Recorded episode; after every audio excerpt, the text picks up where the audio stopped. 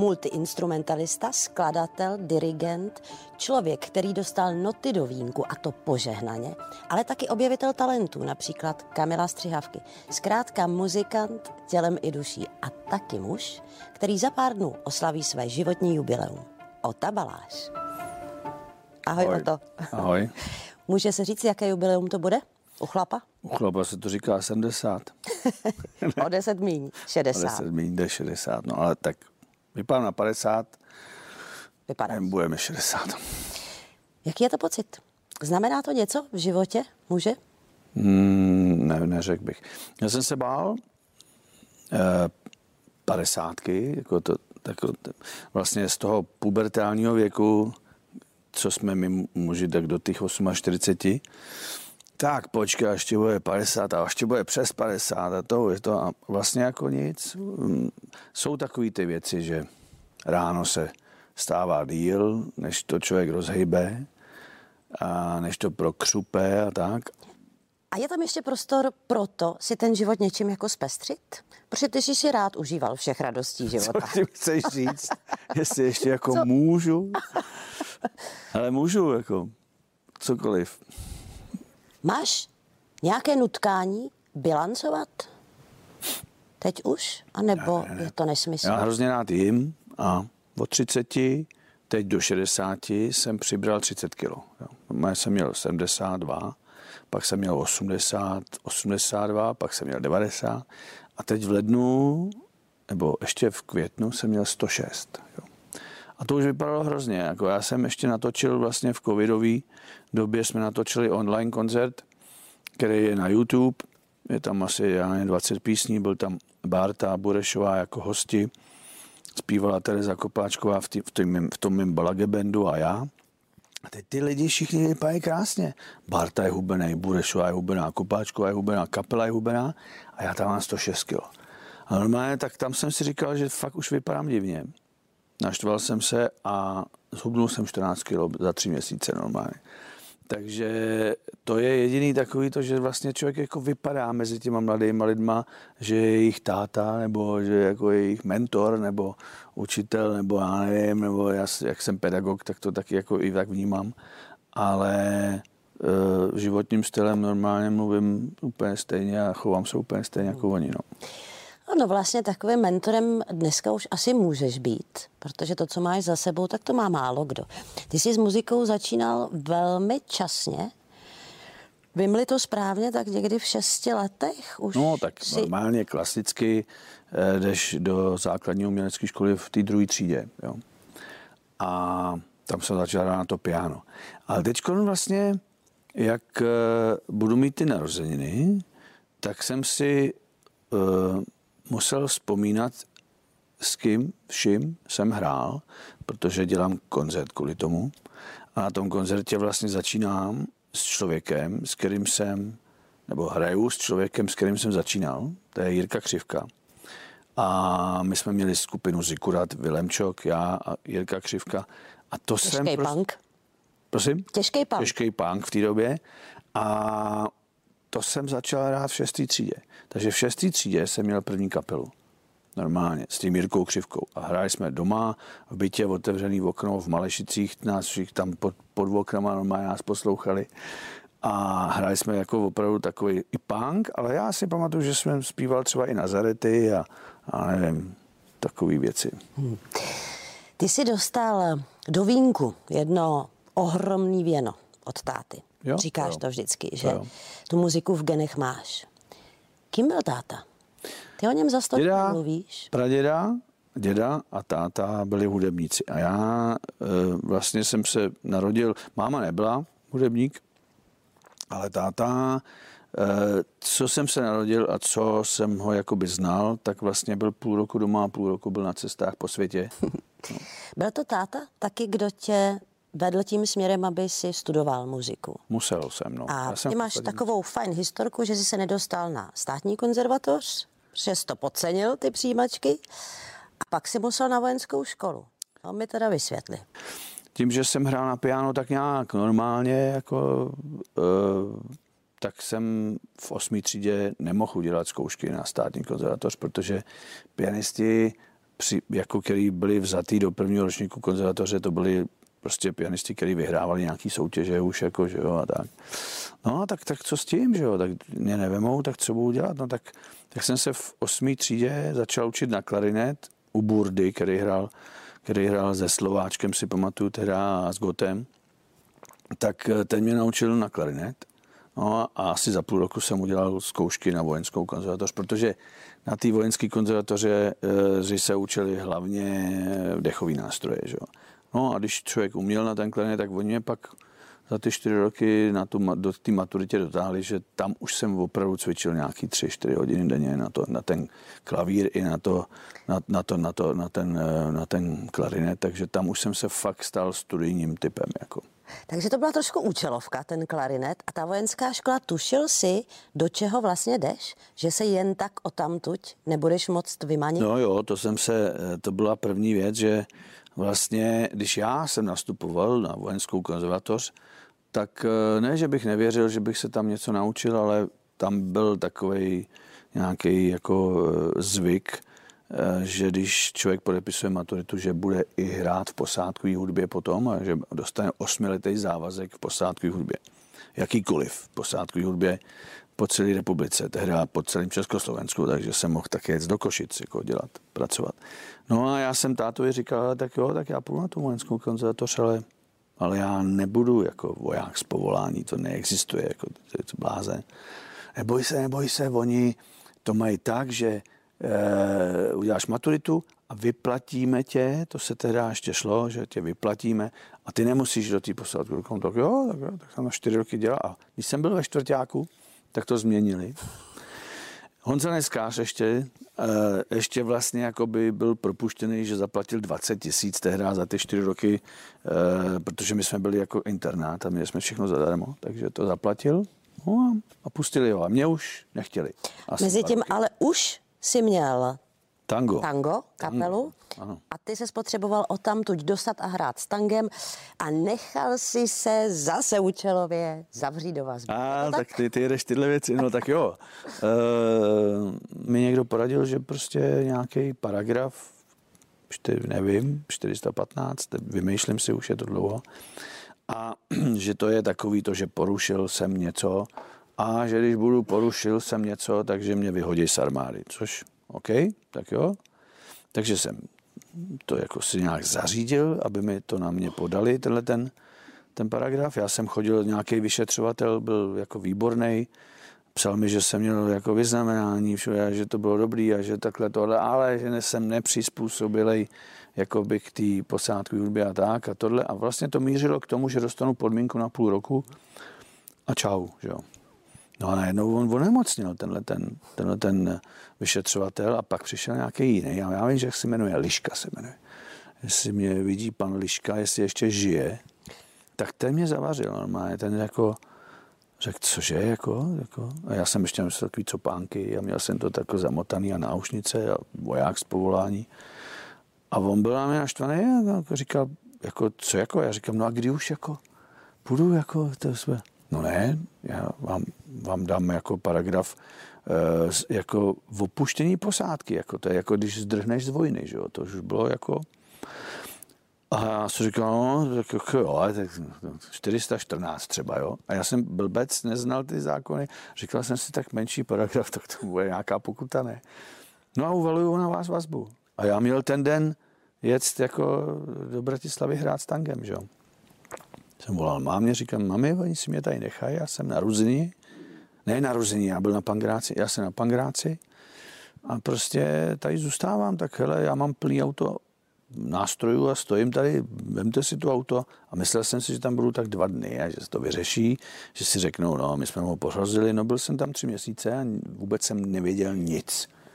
To jsem normálně jsem seděl, psal jsem dopisy, jak je to strašný, co si to jako dovolují bolševici a tak dále. No a to nepřišlo vůbec, nikomu to, ne, neodeslali, že jo, to. ale ty bachaři byli hodní.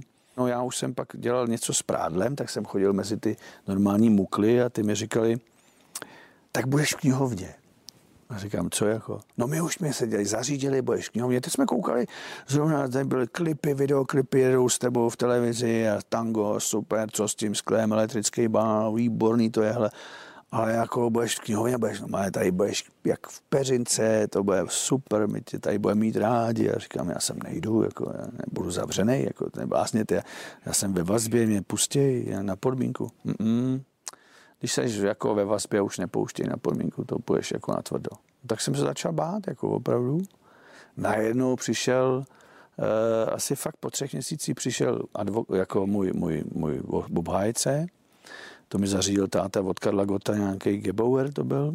No, ten mi říká, hele, jestli chceš ven, tak budeš ve vojenský, jako budeš jako v posádku, bude miluješ armádu, se sovětským svazem na věční časy, všechny tyhle ty blbosti musíš říct. Jsem to řekl. Pustili mě, dostal jsem dva roky podmínku na půl roku, takže kdybych dva roky něco provedl, že půl, si půl roku sednout. No a jednou jsem přišel jako do té práce, nějak jako, že tam si něco vemu a tohle, on tam byl ten generál, koukal na mě a říkal, tak vy jste e, neposlech a vy furt jako děláte tyhle věci, takže zavolejte prokurátora a, a ať jde okamžitě si sednout. Já jsem, nevím, jak je to možný, ale já normálně nemám ani hysteráky, ani deprese nebo něco. A já jsem se sebou švihnul na zem normálně, jako z toho, jako z toho celého. A on, ježiš, okamžitě ho propuste z armády. A utek. No tak, tak takováhle blbost mě jako zachránila, že mě ten den tak jsme propustili z armády za nepřizpůsobilost, bylost, kterou jsem vlastně chtěl. No a byl jsem tam, já nevím, jsem tam byl tři roky v té v tý, v tý posádku, by tak po třech letech se stalo tohle. A já šel na volnou nohu. Vysvobodil ses a od té doby vlastně ta tvoje kariéra hudební šla strmě nahoru a tango pak byla Nová růže a BSP. A to je možná ta zásadní kapela, nebo to, o to setkání se se stříhavkou, vnímáš to tak? Uh, já, já beru zásadní i tu Novou růži. Vlastně já, jak jsem, jak jsem, já jsem měl ten, ten styl i, v tý, na, i na té konzervatoři, i, v, i v tom potom vlastně toho drillu a té pracovitosti, já jsem si na to tak zvyk, že jsem fakt jako byl hrozně pracovitý. Takže já jsem dělal hudebního režiséra v Suprafonu, ve studiu, dělal jsem prostě strašně moc věcí a aranžoval jsem, produkoval jsem desky.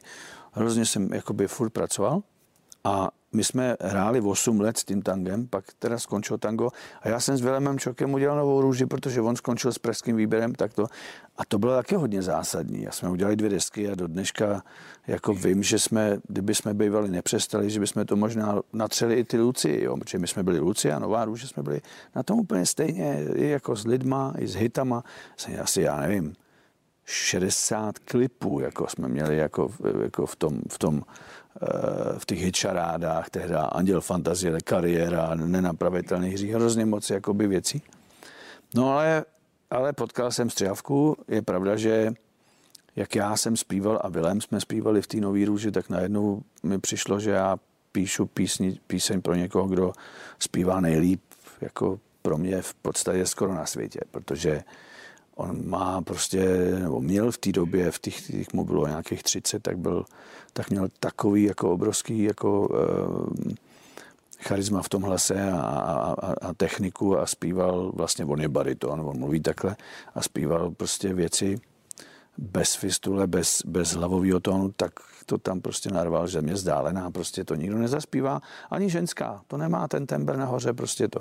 No tak já jsem pro ně napsal celou tu desku, první a dali jsme ji do angličtiny, oslovil jsem toho Pavlíčka, jestli by nám nenata, nenatočil ty kytary. Pak jsme udělali ještě jednu desku a vznikli jsme jako BSP, jako taková jako občasná jako kapela. No ale hrajeme 35 let, takže fakt, jak to, pravda, že to bylo zásadní.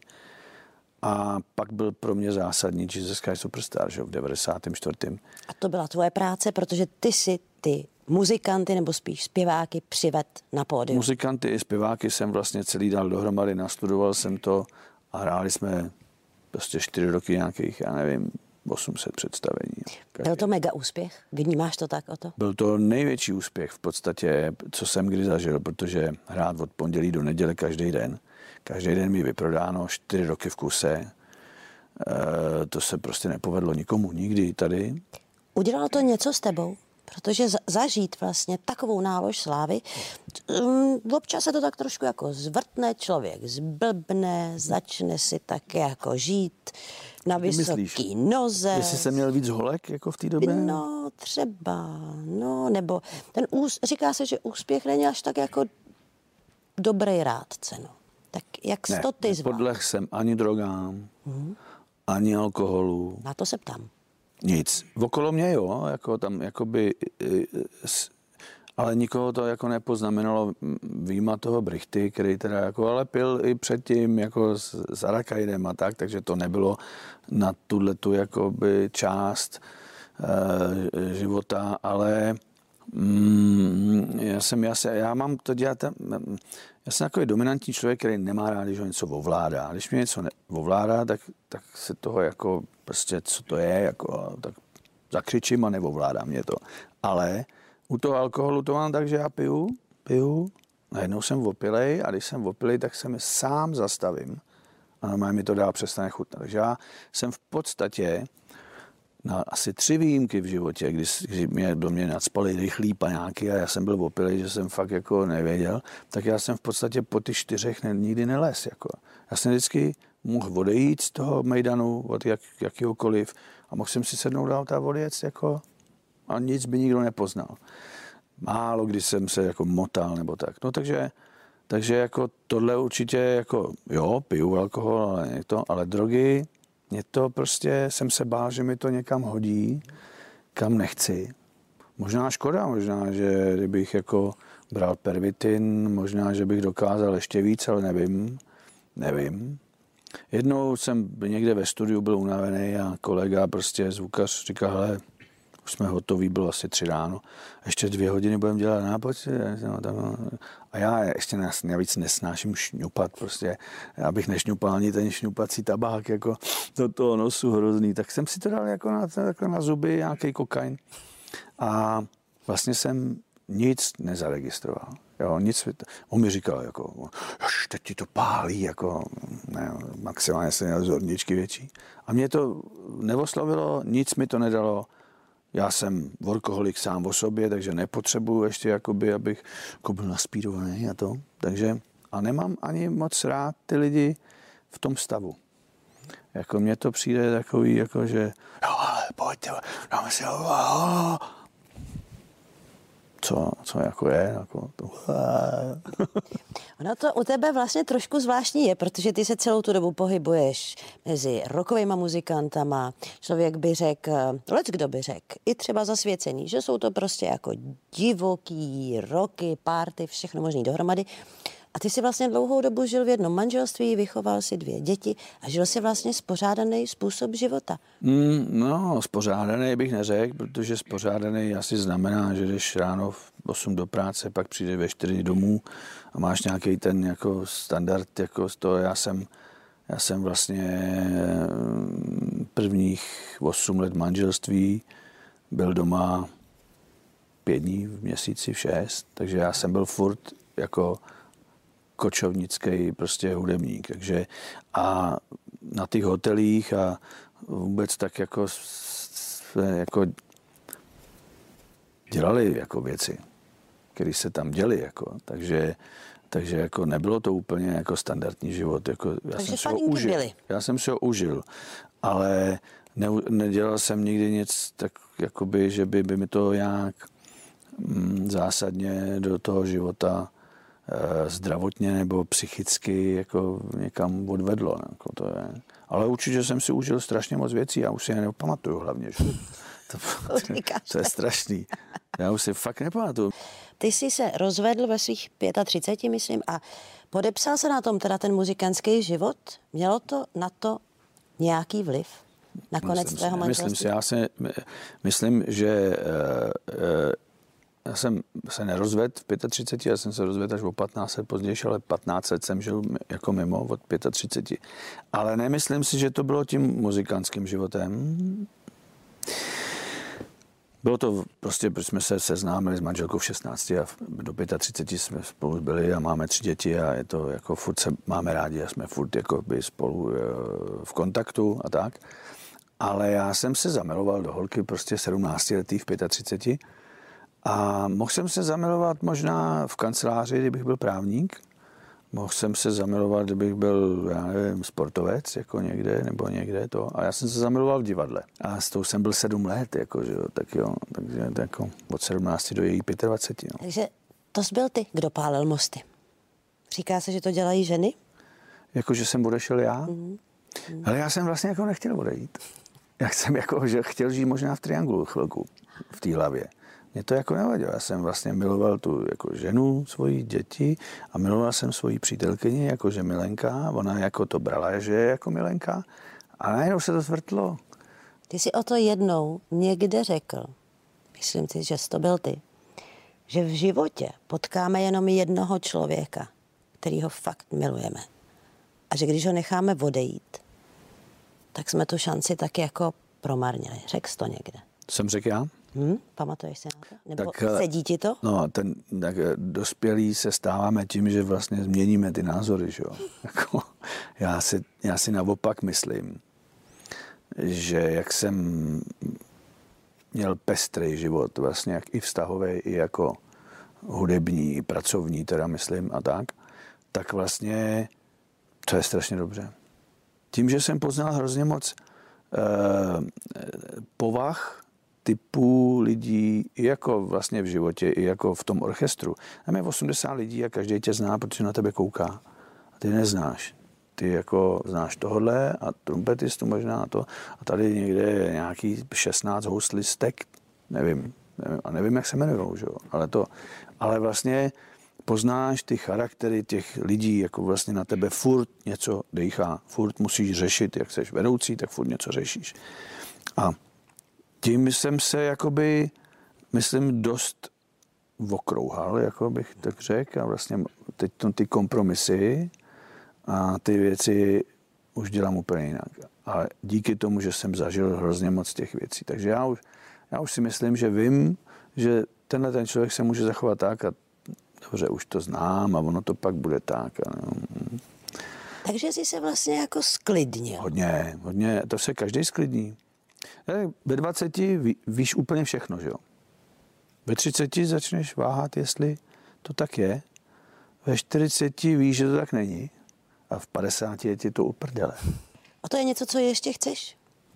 Minimálně třeba, jestli něco ještě chceš, něco si přeješ? V životě? to toužíš? Mhm. Hele, no určitě chci v tomhle stavu, jakým jsem, tak se trvat co nejdíl. Jako nechci stárnout, nechci, aby mě bolely věci, nechci opustit tu branži, eh, co v nějaké době naštěstí jako dirigu, takže to se dá dlouho hrát.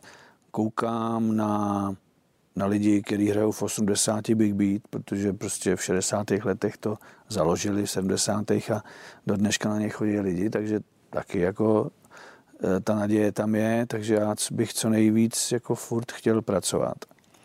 A protože když přestanu, tak budu prostě na zahradě zahradník, což jsem byl teď v covidu.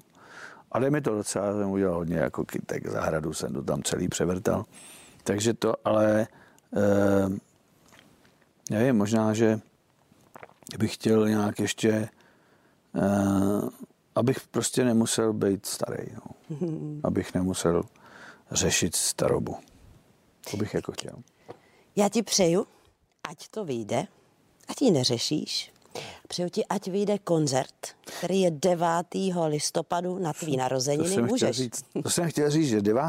11. což je za chvilku, eh, v O2 Univerzum bude Vojta Dyk, Matěj Rupert, Kamil Střijavka, Bára Baziková, Eva Burešová, Balagi Band, Nová Růže, BSP, Zikurat, obrovský orchestr symfonický, jestli jsem na někoho zapomněl, Vilemčok, Michal Pavlíček, Dragon, Roman, všichni tyhle ty mi přišli, přijdou jakoby popřát tím, že si zahrajeme a uděláme krásný koncert. Teď jsme měli někde e, zkoušku celodenní od 9 do 9 a je, to bude to nádherný. Jako.